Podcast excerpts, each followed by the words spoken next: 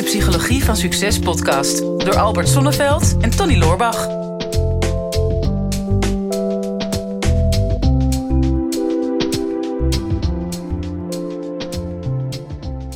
Kijk je wel eens naar onze reviews, Albert? Um, heel eerlijk gezegd, ja, het is een vreemd soort van uh, zelfbevrediging natuurlijk. Iedere doen. avond. Iedere avond. Voordat ik ga slapen, dan uh, dat is altijd... Uh, nee, nee, eerlijk gezegd heel weinig. -hmm. Ik vraag het altijd wel aan jou. Hebben we nog reviews gekregen? Want ik weet niet, het is net, net zoiets als een weegschaal. Um, op het moment dat ik daarop ga staan, dan word ik geconfronteerd met de realiteit. En nou ja, het kan heel erg meevallen, onze reviews. Want we hebben nu eenmaal uh, heel veel uh, vaste luisteraars. Mm -hmm. Op een of andere manier uh, kijk ik er niet naar. Dus ik ben wel benieuwd, eerlijk gezegd. Ja, nee, de reviews die, die, die blijven wel binnenkomen. Ze zijn tot dusver, um, want we krijgen ze alleen op Apple. Andere plekken kan je geen reviews achterlaten. Dus als je dit luistert en je hebt een iPhone, dan vind je het natuurlijk leuk als je even een reactie achterlaat op wat je van de podcast vindt. We hebben allemaal positieve reacties. We hebben één negatieve reactie. Nee. Ja, ja, die is een tijdje geleden binnengekomen. Maar een schale troost voor jou. Hij is alleen negatief over mij. Kijk.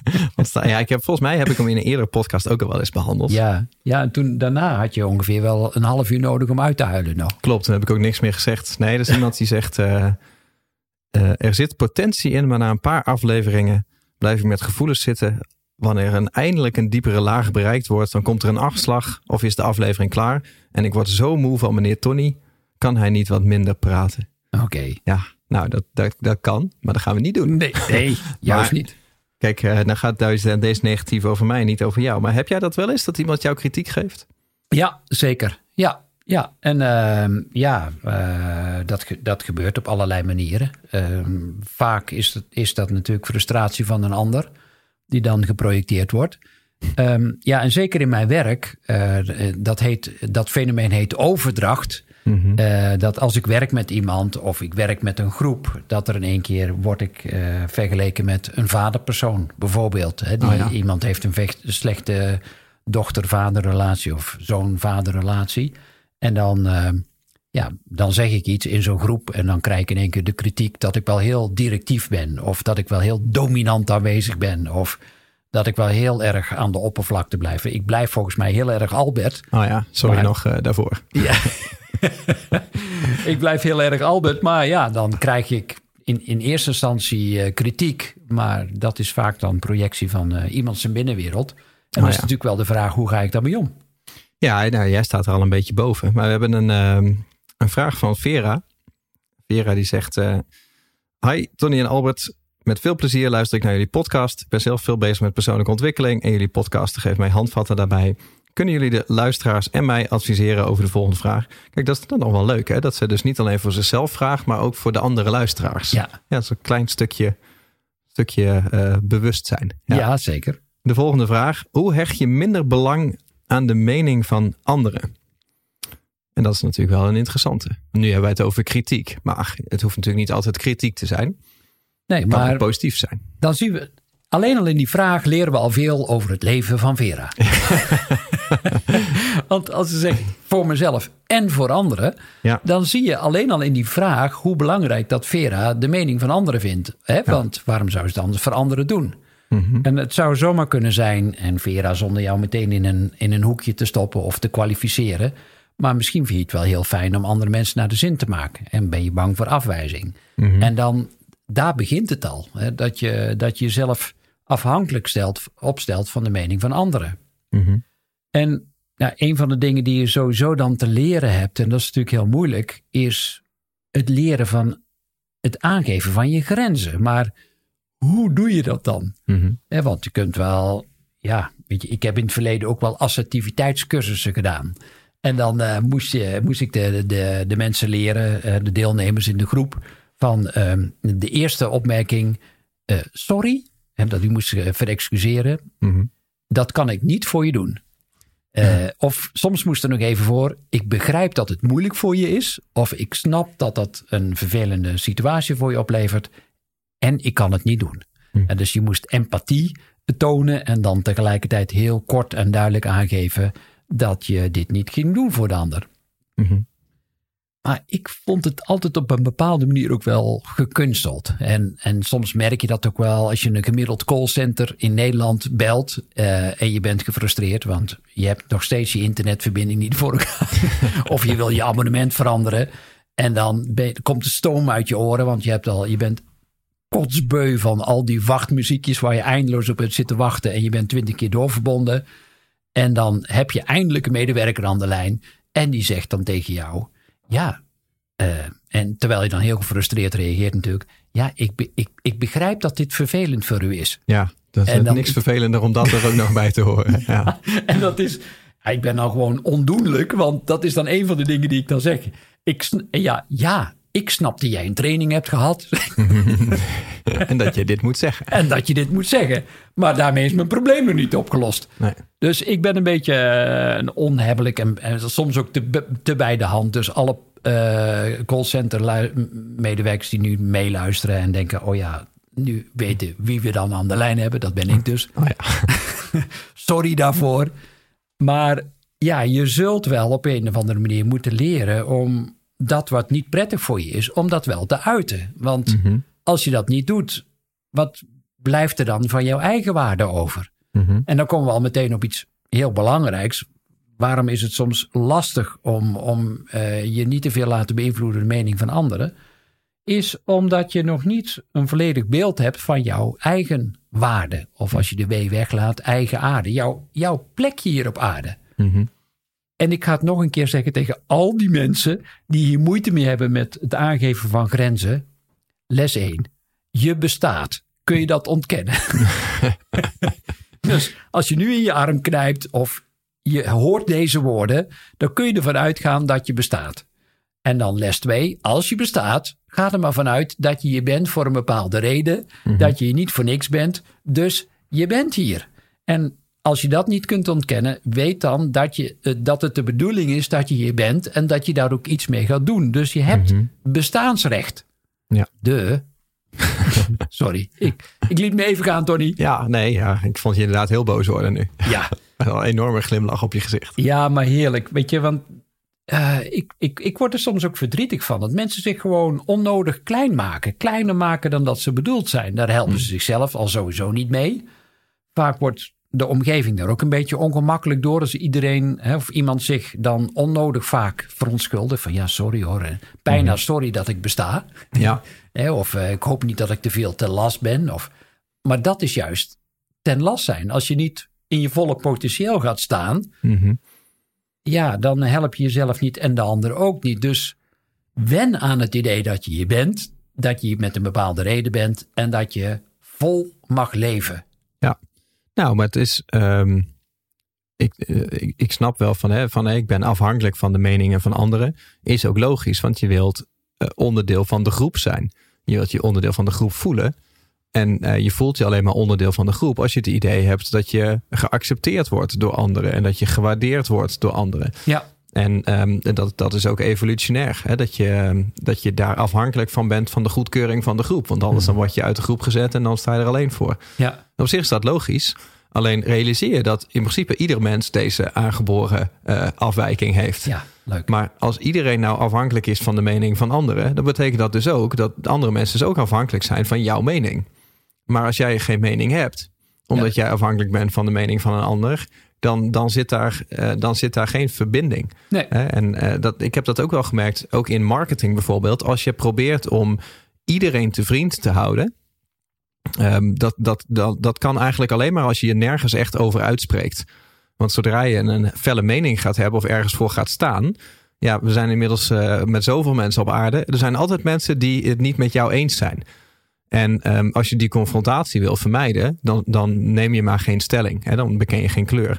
Het nadeel daarvan is, is je, je bent dan wel een allemansvriend, maar je staat nergens voor. Hmm. Dus uh, niemand voelt zich echt verbonden met jou. En, en daardoor sta je altijd een beetje overal buiten. En dan word je een beetje een, een pleaser. Nou, ja. uh, op het moment dat je een pleaser bent, dat, dat, dat, dat zal je niet vreemd in de oren klinken. Dat is vaak niet heel erg aantrekkelijk. dat is waar de, de meeste relaties niet zo heel goed op gaan. Als jij een partner hebt die, die uh, heel erg onderdanig wordt aan jou, of die heel erg een pleaser wordt, dat is niet meer aantrekkelijk. Is in een vriendschaprelatie is dat ook niet aantrekkelijk. Nee. In een personeelsbestand is dat ook niet aantrekkelijk. Want je wil iemand zijn, iemand zijn mening horen. Hmm. Eh, want daar, eh, eh, daar kan je waarde uit ontlenen. Hè, dus, dus je bent het eigenlijk gewoon aan andere mensen verplicht. Om eh, met je eigen mening naar voren te komen. En Ja. je niet onderdanig te maken aan andermans mening. Nee, nee, daarom. Dus, dus wat je vaak ziet is dat mensen dan hun mening maar inhouden omdat ze zeggen, hè, dat zijn dan, ja, ik voel me zo schuldig. Hm. Of eh, ik schaam me zo. En dat zijn ook van die eigenschappen die mensen dan hebben, die ze zichzelf hebben aangepraat. Ja, want ik, ik voel me, hè, ondernemers doen dat vaak. Ja, ik, ik voel me zo schuldig als ik niet op de zaak ben. Ja. Ehm, en dan stel- stel ik er dan, hè, die vraag stel ik er dan vaak achteraan. Dan zeg ik, ja, dat is mooi. En dan begin ik altijd, hè, van de week had ik nog een ondernemer die zei, ja, ik voel me wel heel schuldig. Heel, heel succesvol bedrijf, als ik niet op de zaak ben. En dan zeg ik, oké, wat is het voordeel van schuldgevoel? Nou, toen keek hij me echt heel verbaasd aan. Dan zegt, zit daar een voordeel aan? Ik zeg, ja, dan zou je je niet schuldig voelen. Want, want dan zou je het ook niet in stand houden. Dus eh, ja, hij kwam niet op het antwoord. Moest ik hem even bij helpen. En toen zei ik, ja, het voordeel van schuldgevoel is dat je je, gaat, je integriteit gaat toetsen ten opzichte van de mensen om je heen. En dus hoe zorgvuldig ben ik naar mijn medewens? Nou, dat is leuk. Dan weet je dat. Maar communiceer het dan. eh, en, en, en dat is ook een belangrijke. Vraag niet steeds om bevestiging of goedkeuring van die ander. Mhm. Want ja, als jij integer handelt, waarvan, wat is er dan nog aan schuldgevoel eh, te communiceren? Of je daarover zo te voelen, of je daarover te schamen. Kijk, je weet, er zijn bepaalde regels in deze sociale wereld. waarvan je weet dat is niet handig om te doen. Als je je helemaal volgiet met de alcohol achter het stuur eh, gaat zitten van je auto. en vervolgens iemand van de fiets rijdt. dan kun je zeggen: ja, ik voel me schuldig. Want dat, ik wist dat ik dat niet moest doen. Dus die regels die helpen wel. Mhm. Maar als je met de beste intenties de dingen doet zoals je, ja, zoals je diep van binnen ook geboren bent en weet dat je op die manier in de wereld wil staan, wat valt er dan nog aan schaamte en schuldgevoel eh, te voelen bij jezelf? Ja. Eh, Dus, dus geef duidelijk je intentie weer, ehm, zonder dat je dat steeds blijft toetsen aan je omgeving. Want ehm, ja, uiteindelijk je kunt toch nooit 100% in het hoofd van de ander kijken. Je kunt geen gedachten lezen. Dat hebben we vaak de neiging. Ja, ze zullen dit of dat wel van me vinden en daardoor hou ik me in. Ja. Ja, tenzij je een blauwe jurk aantrekt, jezelf Jomanda noemt en zegt van nou, ik ben helderzien en ik weet precies wat er omgaat in die ander. Ja. Maar als dat niet het geval is, stop er dan gewoon mee. ja, klopt. Dus, dus eh, eh, ik vind het ook niet oprecht als je een soort ehm, ja, houding in de wereld zet waarin je denkt: oké, ja, ik, wil, ik wil iedereen te vriend houden. Dan zeg ik ja, we hebben grote religieuze leiders gehad of voorbeelden in de wereld. Ik zeg, ik zeg vaak, ik hoop dat ik er niemand daarmee kwets, maar zeg ja, zelfs Jezus had vijanden. Mhm. Probeer het absoluut niet beter te doen dan hij. Nee, nee, Eh, dus... dat daar van terecht gekomen is. ja, ja, daarom. Dus Als jij het kwetsen dan niet doet, dan doe ik het wel. Ja, ja zeker weten. Want En, mij maakt het niet uit wat mensen van me vinden. nee, nee. Heerlijk. Nou, is weer een prachtig eh, praktijkvoorbeeld Ja, ook. ik, hoop, ik hoop niet dat ik mensen kwets. Ja. Zegt de trainer over.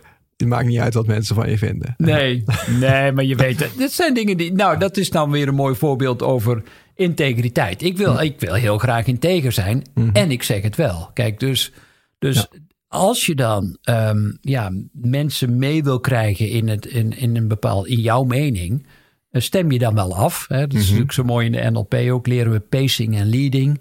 Eh, dus ik geef de inleiding van ik hoop dat ik niemand mensen, mensen ermee kwets. En ondertussen zeg je het wel. Kwets je ze wel. Ja, Ja. ja. precies. Dan kunnen ze het jou niet kwalijk nemen. Dan kun je ze niet kwalijk nemen. Ik had ze van tevoren gewaarschuwd. Ja, precies. Dan had je maar even snel eh, het uit moeten zetten. Ja. Ja. Nou, een van de dingen die je ook absoluut niet moet doen, denk ik, als je het belangrijk vindt om, eh, om wat minder belang te hechten aan eh, de mening van anderen, is je voortdurend te verdedigen. En dus wanneer je te veel in de ja-maar-mode schiet en in de discussies gaat, dan wordt het ja, een hoop mentaal geworstel en getouwtrek, waar je uiteindelijk, denk ik, in de relatie geen meter mee opschiet. Het is interessant om je eigen mening te ventileren. Het is interessant om de mening van een ander toe te laten. Maar laat het daar dan bij, wanneer je op woorden jezelf voortdurend probeert te verdedigen, eh, weet je één ding zeker, dan wordt de relatie helemaal suf gekletst. Ik wilde een ander woord gebruiken. En dan eh, ja, ben je dus uit de relatie. En dan gebeurt er precies het tegenovergestelde wat je graag wilde hebben. Mhm. Je wilde namelijk de relatie in stand houden. En omdat je daar te voorzichtig in bent of te verdedigend in bent, raak je hem juist kwijt. Ja, ja maar ja, je, weet je, je zegt het, eh, al- alle grote der aarde hebben vijanden gehad. Anders word je ook niet een van de grote der aarde. Hè? Want, want anders dan ben je niet een, een toonaangevend type. Ja, ik heb in een, eh, een eh, e-book ooit geschreven. De eerste volger maakt van een eh, buitenbeetje een leider. Hè, dus het, zodra je een gekkie hebt die, die tegen de stroming ingaat. Ja, zodra er iemand achteraan gaat lopen, dan wordt het ineens een leider. Ja. En ehm, daarvoor moet je wel uitgesproken zijn. En moet je in principe lak hebben aan wat andere mensen van jou vinden. Ehm, want want anders, anders dan verander je in niks. En dan vorm je ook geen band met de mensen die hetzelfde vinden als jij. Want dat weten ze niet dat jij hetzelfde vindt. Want, je- want je zegt het niet. Nee. En ehm, ik, wij hadden het daar net in de auto even over. Hè, dat, eh, we hadden het over, de, over, over business. Hè, en eh, ehm, bijvoorbeeld over het boek wat ik uitgegeven heb. Hè, dat dat dan 15.000 keer werd verkocht in, in een hele korte tijd. Dan ga je naar een kritische massa. Maar dat heet niet voor niets een kritische massa. Hè, want de massa is namelijk kritisch. En als je het heel klein houdt, ehm, dan, krijg je, dan krijg je vaak alleen maar positieve geluiden van de mensen die heel dicht bij jou staan. Ehm, zodra je wat grotere massa gaat bereiken, die je alleen maar bereikt als je uitgesproken wordt, dan ga je ook kritische mensen krijgen. En meestal schrik je daar in eerste instantie van terug. Dan denk ik van, oeh, nou zijn er mensen die mij dan niet meer zo leuk vinden. Ja. Heb ik nu iemand gekwetst of heb ik nu ergens schade aangedaan? Denk nee, ik heb mijn band versterkt met de mensen die het met me eens waren. En de mensen die het niet met me eens waren, die weten nu ook eh, dat, dat ze het niet met mij eens zijn. En daar voel je de weerstand. Nou, Ja. op zich is dat goed, maar dat, dat moet je een beetje oefenen. En wat ik merkte, ehm, en, en ik, eh, ik, ik zag dat bevestigd worden in het boekje wat ik las eh, van The Big Leap. Hè, wat gaat over je soort van upper limit wat je hebt. Dat ieder mens heeft een soort van ehm, denkbeeldige grens op de mate van geluk die hij zichzelf toestaat om te hebben. Ja. Of de mate van vrijheid of de mate van rijkdom. Dus stel eh, je wint ineens de lotto, je bent ineens miljonair. En je hebt zoiets van eigenlijk vind ik het mezelf nog niet waard om zoveel geld te hebben. Dan ga je manieren vinden om jezelf te saboteren. Dus je brengt jezelf heus wel in situaties waarin je weer van dat geld afkomt. Zo snel mogelijk. en want dan, want dan vind je jezelf, dan vind je het weer kloppend. Vrijheid net zo. Als jij gewend bent om eh, vijf dagen in de week op kantoor te zijn. En je wil ineens eh, een dag in de week thuis gaan werken. Ja, ik kan je uit ervaring vertellen. Die eerste dag, je loopt zo'n beetje tegen de muren omhoog. En denkt, ik, ik mag hier niet zijn. Want wat zullen andere mensen er wel niet van vinden dat ik hier nu ben? Ja. En dat komt omdat je jezelf nog niet waard vindt om zo vrij te zijn. Hè? Of om die vrijheid eh, te nemen. En eh, dat is iets waar je eigenlijk bewust van wil gaan worden. Van nou, op het moment dat ik mezelf terughoud vanwege de mening van anderen. Dan is dat vaak omdat ik het mezelf gewoon nog niet waard vind Ja. Om hier aan te, aan te ontstijgen. Ja. Ja, mensen vragen vaak aan mij van ja, maar hoe, hoe, hoe kan ik dat dan veranderen? Ehm, nou ja, sowieso wat altijd helpt is dat je een beeld hebt van je eigen waarde. Dus dat je ook echt in de spiegel kijkt met, goh, er staat een mooi mens. Hè? Dus dat je echt durft te erkennen dat je de moeite waard bent. eh, Met je talent en je kwaliteit en alles wat erbij hoort. Dat, dat duidelijk beeld ook steeds naar binnen haalt, bevestigt. En ik ben altijd wel van de affirmaties ook. Hè? Dus dat je een zin tegen jezelf zegt. En je zegt ook negatieve zinnen naar jezelf. Dus waarom zou je dan geen positieve zin zeggen tegen jezelf als het gaat over eigenwaarde? En zeker in relatie met de mening van de anderen. De mantra die ik altijd gebruik, of de affirmaties, ik ben voor 100% verantwoordelijk voor mijn eigen energie en de ander voor de zijne. Dus 100% verantwoordelijk zijn voor het leven wat jij leidt. En je realiseert dat de ander ook 100% verantwoordelijk is voor zijn of haar leven. En je gaat er verder niet over. Zij gaan niet over jouw leven, jij gaat niet over hun leven. Het enige wat je doet is jouw leven ten volle leven. Ja, en daar zul je mensen vinden die daarop aanhaken. Zeggen van wow, dat is een inspirerend figuur, daar wil ik bij horen. En anderen zullen zeggen ja, maar dat, dat komt helemaal niet bij mij in de buurt. Dus misschien raak je ze daardoor wel kwijt. Maar ja, daar ben jij niet voor verantwoordelijk. Hè, want de keuzes die anderen maken, hoe ze zich moeten verhouden ten opzichte van jou.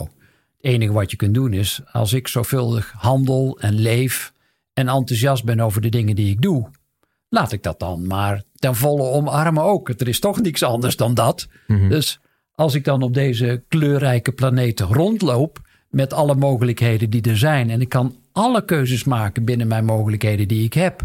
Ja, dan wil ik er ook wel even ten, ten volle van genieten natuurlijk.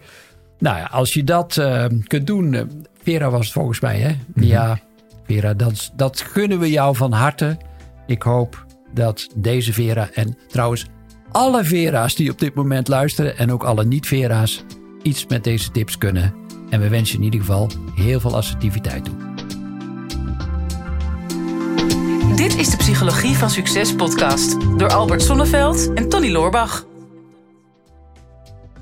Ja, beste luisteraars, dat was hem alweer voor vandaag. Weer een aflevering voorbij van uh, de Psychologie van Succes. Ik hoop dat je het waardevol hebt gevonden en um, wat je ons dat ook zou willen laten weten. Uh, mocht je nog niet geabonneerd zijn op onze podcast, doe dat dan even. En wat we heel erg tof zouden vinden, is als je ook even een review zou willen achterlaten. We vinden het natuurlijk heel leuk om te horen van jou wat je van de podcast vond, welke inzichten je eruit hebt gehaald en om dat natuurlijk in de review-sectie terug te gaan lezen. Heb je nou een vraag en je zou graag met jouw vraag in de uitzending willen komen? Stel hem dan op uh, de social media. Onze kanalen zijn vooral LinkedIn en natuurlijk Instagram. De beste vragen pakken we eruit en grote kans dat je dan terugkomt in deze podcast.